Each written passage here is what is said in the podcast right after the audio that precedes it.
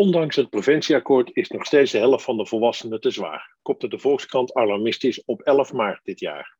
Zo interpreteerde in ieder geval de journalist de uitkomsten van de Leefstijlmonitor 2021. Enige nuance is wel op zijn plaats, want dat het Nationaal Preventieakkoord na ruim twee jaar al een kentering teweeg had kunnen brengen, is wel erg optimistisch. Daar is de overgewichtsproblematiek te complex voor. De uitkomsten laten in ieder geval zien dat we met vereende krachten moeten doorgaan het tijd te keren om de inname van het teveel aan calorieën te stoppen.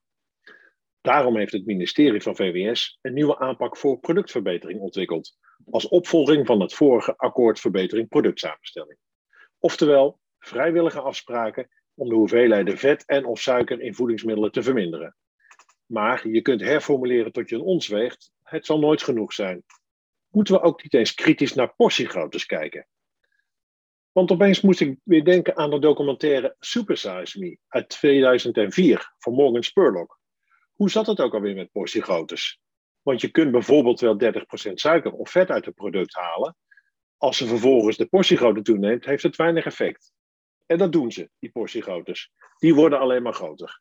De Amerikanen noemen dit fenomeen portion distortion. De porties die we tegenwoordig nuttigen, en die buiten de deur te verkrijgen zijn, zijn in de afgelopen 40 jaar zo'n beetje verdubbeld.